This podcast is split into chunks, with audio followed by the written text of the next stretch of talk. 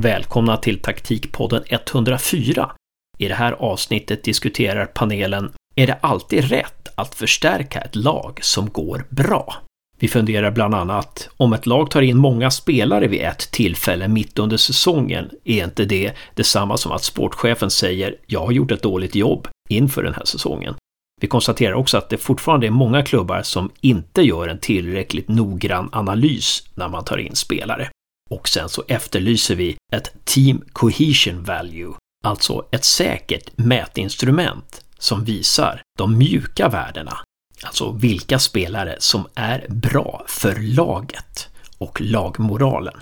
Panelen den här gången består av Marcus Walfridsson, fotbollstränare som har lagt karriären på hyllan och nu jobbar som fotbollskonsult med hela världen som arbetsfält och Josef Karstensen, scout och analytiker.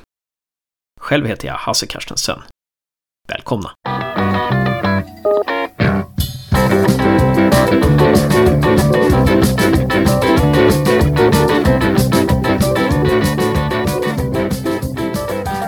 Ja, då var det dags för Taktikpodden igen och den här veckan ska vi prata om frågan, är det alltid rätt att förstärka ett lag som går bra? Alltså prata lite spelarlogistik. Josef, eh, du har en ingång här. Jag såg det här från två olika håll. Det finns två exempel i Sverige nu som jag ändå tycker är rätt talande för varför man bör göra det ena och göra det andra. Till exempel Sandviken i division 1 norra valde i somras, när de låg på kvalplats, att ta in nya spelare i form av att de skulle förstärka laget. Eh, laget började sedan vackla mer efter att, lag, efter att de här nya spelarna kom in. Där känns det som att när man ser det utifrån att aha, man kanske inte skulle ha gjort, gjort någon nyförvärv utan man skulle behållit den spelargrupp man har. Sen går det att vända på det sen när Djurgården spelar i allsvenskan och inte väljer att ersätta Aslak von Witter. Nu var jag såg IFK Norrköping-Djurgården igår och man såg att de saknade en renodlad högerback och det känns nästan som att de har dumsnålat in ett nyförvärv som kan kosta dem titeln i år. Men samtidigt så är det väl så här att en förstärkning ska ju alltid förstärka. Det handlar väl i slutändan om hur man väljer att rekrytera och hur rekryteringsprocessen går till så att en förstärkning alltid är en förstärkning. Mm, så att det inte är en backup, liksom. vi behöver fler, lite mer backup på den här posten, utan det får inte vara liksom, om har man livremmen så ska man inte liksom gå, ut, gå efter hängslena. Jag tänker väl att alla spelare, alltså alla spelare som kommer in till ett lag ska ju tillföra något. Att de ska utföra en roll eller om de ska ta olika roller. Liksom en, en spelare ska ju alltid ha någon slags arbetsbeskrivning att följa och ha tydliga referenser om att utvärderas på. Nu släpper vi Marcus tycker jag. Tack Josef, jag tyckte det var en bra inledning. Några frågor jag ställde mig och skrev upp här medan du pratade var vad händer när man tar in nya spelare i en, eh, i en existerande grupp? Det är klart att när man gör det, jag tror det är kanske två frågor, när man gör det under säsong som du är inne på och när man gör det efter säsong tror jag två vitt skilda eh, saker. För att det är klart att när du har en grupp, eh, som du hade Sandviken exempel, som, som ändå fungerar och man tuggar på och man, man går på eh, och har presterat bra, och så tar du in nya människor i den gruppen som de andra troligtvis inte känner. Och så, oavsett hur bra de är, så bara det att få in en grupp andra människor i en existerande grupp skapar någon typ av osäkerhet, tänker jag. Osäkerhet är ju inte direkt kopplat med prestation, utan man vill man ha mer trygghet och, och säkerhet i, emellan sig i alla fall i gruppen. Det betyder inte att man behöver vara överens och kompisar, men att man behöver förstå och veta vad som händer när man petar på folk. Så jag tror det är det kanske största frågan med, med Sandviken då, kanske ett ganska tydligt exempel på att om man tar in många spelare, jag vet inte hur många de tog in, men om man tar in fler spelare i en externa grupp så är ju risken för att det man på engelska kallar för team cohesion, alltså lagsammanhållning, jag vet inte om det är en bra översatt. Jo, ehm, det är det. Härligt, det, är ju, det var första gången jag klarade av att översätta bra från till svenska. När man får det, den att gå ner alltså mycket, så, tror jag, så kommer prestationerna att följa med. Men om man tar in färre spelare så är det ju en mindre, troligtvis en mindre impact på lagsammanhållningen. Så att om man bara, som i ditt fall med Djurgården, då, ja, men hämta in en högerback, alltså ta in en ny spelare under säsongen, det borde inte vara en större fara utifrån lagsammanhållningen om inte du tar in en jätteotrevlig människa. Eh, men eh, utöver det så borde det vara helt fint, så då, är det säkert andra värderingar som ligger till grund. Samtidigt så kan det vara så att de tänker att ja, men vi har vårt lag och det här laget funkar bra och um, vi, vi, vill inte, vi vill inte riskera att rucka på sammanhållning eller så kanske sammanhållningen står och balanserar. Eh, att de kanske har tillräckligt att göra med att hålla ihop laget just nu. Vem vet? Jag vet absolut inte. Ehm, och då, då får man in en till extern pjäs då så kan, det, kan man riskera att skjuta allting i sänk hänger inte allt det här ihop med vilken ledning det är? Om ledningen är medveten om de här riskerna och kan på något vis motverka farorna eller riskerna med att ta in spelare så borde det väl inte vara något svårt att ta in hur många som helst. Alltså, är, är ledaren, ledningen bra på gruppdynamik så bör man väl kunna fixa sådana här saker. Alltså, nu, för nu pratar vi lite som att gruppen får stå och, jag vet inte om vi ser svaga ledare, men vi pratar som om gruppen är en enhet för sig utan ledning. Ja, alltså gruppen har ju en ledning i sig själv till att börja med. Så det finns någon typ av internt ledarskap i gruppen också. Det kan man, ska man heller inte förringa. Eh, men jag tror att det handlar om tid. Så att om du gör det under säsong, därför tycker jag att det, det är stor skillnad på om du gör det under säsong eller om du gör det efter säsong. Jag tror det var Bill Belichick, eh, amerikanska fotbollstränaren, eh, som, eh, som sa att ever change a winning team. Alltså att alltid förändra på ett vinnarlag. För, men då pratar vi efter säsong. Eh, för att då får du in nytt blod, du får in nya impulser och då håller laget vid, vid liv. Liksom. Det, man går inte att tröttna på den. Så där, det tycker jag är en stor skillnad mot om du gör det mitt under säsong. För att mitt under säsong så har du egentligen inte tid till att jobba med gruppdynamik så mycket. För du går vecka till vecka och ska vinna matcher och så från en vecka till en annan vecka så kommer det in nya folk. Ja, men då får gruppdynamiken måste lösa sig lite grann sig själv. Um, så får man ju hoppas att man har några borta resor så man kan hänga ihop lite ofta och sånt. Men tar du in då fem, sex spelare under mitten säsong, då tror jag du får problem. Tar du in en eller två tror jag inte är en större problem som du är inne på eh, Hasse. Och det, framförallt om man har, är man medveten om det så är det klart att då har man ju alltid en större chans att, att, eh, att klara av det. Mm. Och så får man ju också tänka på, många jämför idrottsklubbar med företag eller and, andra grupper i samhället, men det som är skillnaden med elitidrottsklubbar är ju det att spelarna ofta har korta kontrakt och kontrakten är beroende av prestation. Presterar du inte så riskerar du att kontraktet blir brutet eller att din karriär kanske till och med är över, att du, du får byta karriär. Så att det, det är en väldig konkurrenssituation som inte finns egentligen i andra delar av samhället. Då.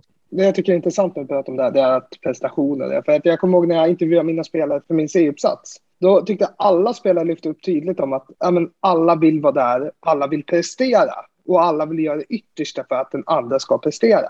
För presterar vi, mår vi bra, presterar vi som lag, så når vi resultat. Och når vi resultat så har vi en större chans att, hur ska man säga, lämna det här stället i slutändan. Jag tänkte också på det du sa innan, Marcus, om att ha tränarna, alltså behöver de göra så mycket för att hålla ihop laget redan nu? Är det farligt att ta in en spelare? Båda de här exemplen vi tog, Djurgården och Sandviken, gick ju väldigt bra i respektive serie. Så liksom ett lag kan väl inte nå framgång om laget är splittrat och man måste ha en stark ledare som håller ihop allting. Det tror jag, det skulle vara intressant att kolla, men eh, nog har det väl varit relativ framgång i lag där eh, man har haft någon, de har ofta i sig haft någon gemensam eh, antagonist.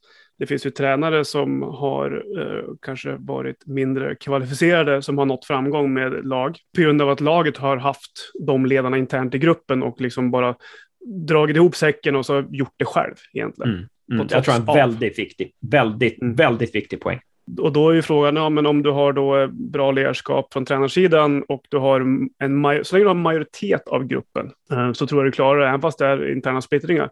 Dock så är ju frågan, kommer du kunna vinna serien? Och jag tror kanske inte du klarar det på allsvensk nivå, till exempel. Det skulle nog gå på division 1-nivå.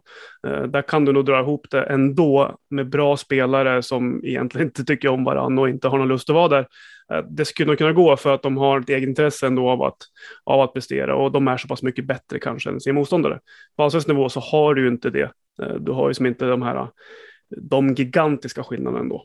Är det någon skillnad då med lag som går dåligt? Jag inbillar mig att det är skillnad med lag som går dåligt, för att, att ta in nya spelare där, när lag går dåligt, är ju att då, då, får man in spelare som inte är påverkade av den här negativa eh, stämningen eller den här negativa trenden som laget antagligen är inne i. Är det så att där är nyförvärv har större chans att påverka i positiv riktning, eller? Ja, alltså, av två anledningar. Eh, det ena är att förhoppningsvis är de bättre, de spelarna som kommer in än de som var där. Eh, och det är ju kanske det viktigaste. Eh, men sen så är det ju en kulturförändring då, som du är lite inne på. Att man kan förändra kulturen i en klubb. Alltså man går, och med kultur då så menar vi på hur människor beter sig i en viss kontext. Alltså att de har en viss typ av beteende som är negativa i ett sånt typ av lag. Så tar man in andra människor som har en annan typ av beteenden och därigenom kan man förändra kulturen ganska snabbt. Eh, och det är ju, det är ju såklart varför man sparkar tränare och varför man i näringslivet också sparkar folk. Det är ju för att man vill ändra en kultur genom att byta ut människan. Det är mycket jobbigare att ändra en kultur genom att utbilda och utveckla de människorna. Det tar ju också längre tid såklart. Så det är väl lite grann av jag skulle säga att när man hämtar in ett, ett, gäng spelare till en klubb som, som går dåligt så är det väl att man, ah, alltså det är väl lite chansning för att vara helt ärlig. Att det är väl att man, ja men vi, vi gjorde fel, vi, vi hämtade in fel spelare från början och eller fel ledarskap eh, och nu måste vi göra någonting. Och då är det klart att för de som då har jobb som heter sportchef och tränare och så vidare så vill ju de gärna hämta in spelare för att då kan ju de kanske rädda sina egna jobb. För de vet ju att det, det är de som står, eh, står där annars. Eh, så att jag tror att Alltså, för mig så är det så att om det går dåligt och du hämtar in många, många spelare, ja, men då, det är ett erkännande av att du har gjort ett dåligt jobb innan. Uh, och så är det väl som sista, uh, det är en Hail Mary för att använda amerikansk fotboll igen. Det är en Hail Mary för att liksom hoppas att ja, men, vi får in de här, uh, förhoppningsvis så är de lite bättre, förhoppningsvis så klarar vi att ändra kulturen genom det. Och det kan man ju klara. och därigenom hålla sig då jag tänker liksom också på det vi pratade om innan, att det är så här, där krävs det för att få till en kulturförändring att ta in många spelare utgår jag då ifrån. Och risken om vi säger nu att vi, vi skiftar på frågan, är det att förstärka ett lag som går dåligt? Risken är då om en klubb går dåligt har begränsade ekonomiska förutsättningar till att rekrytera nya spelare. Att om vi säger att man bara tar in en eller två spelare, är det inte väldigt stor sannolikhet att de blir en i mängden och går upp i gruppen, så ska man säga, känsla om att allt är skit? Det tror jag absolut. Det är en stor risk. Men där är det ju så fattigt viktigt att man hämtar då in de en eller två som har tillräckligt stort ska jag säga, avtryck på sitt miljö eh, som kan förändra det. För det, igen då, det är ju lite grann, om man ser på en gruppdynamik så är det ju, jag brukar dela in det ofta i tre, tre grupper i gruppen. Att du har, du har liksom en grupp som, som vill dit du vill, du har en grupp som står, en stor grupp ofta som står och balanserar mitt i och så har du en grupp som vill någonting helt annat. Så det är klart att det gäller ju då att få med sig flest möjligt på den här riktiga sidan knivväggen då. Att man klarar att balansera över majoriteten på rätt sida. Och då kan det ju faktiskt räcka med en eller två. Och framför allt om det är starka personligheter som som kan sälja in budskapet. Ehm, jag kan ju se en fördel i att en tränare till exempel hämtar en spelare som man tidigare haft eh, och har lyckats med och har en okej okay relation med eh, som vet vad som, liksom, hur man gör och vad som, vad som krävs.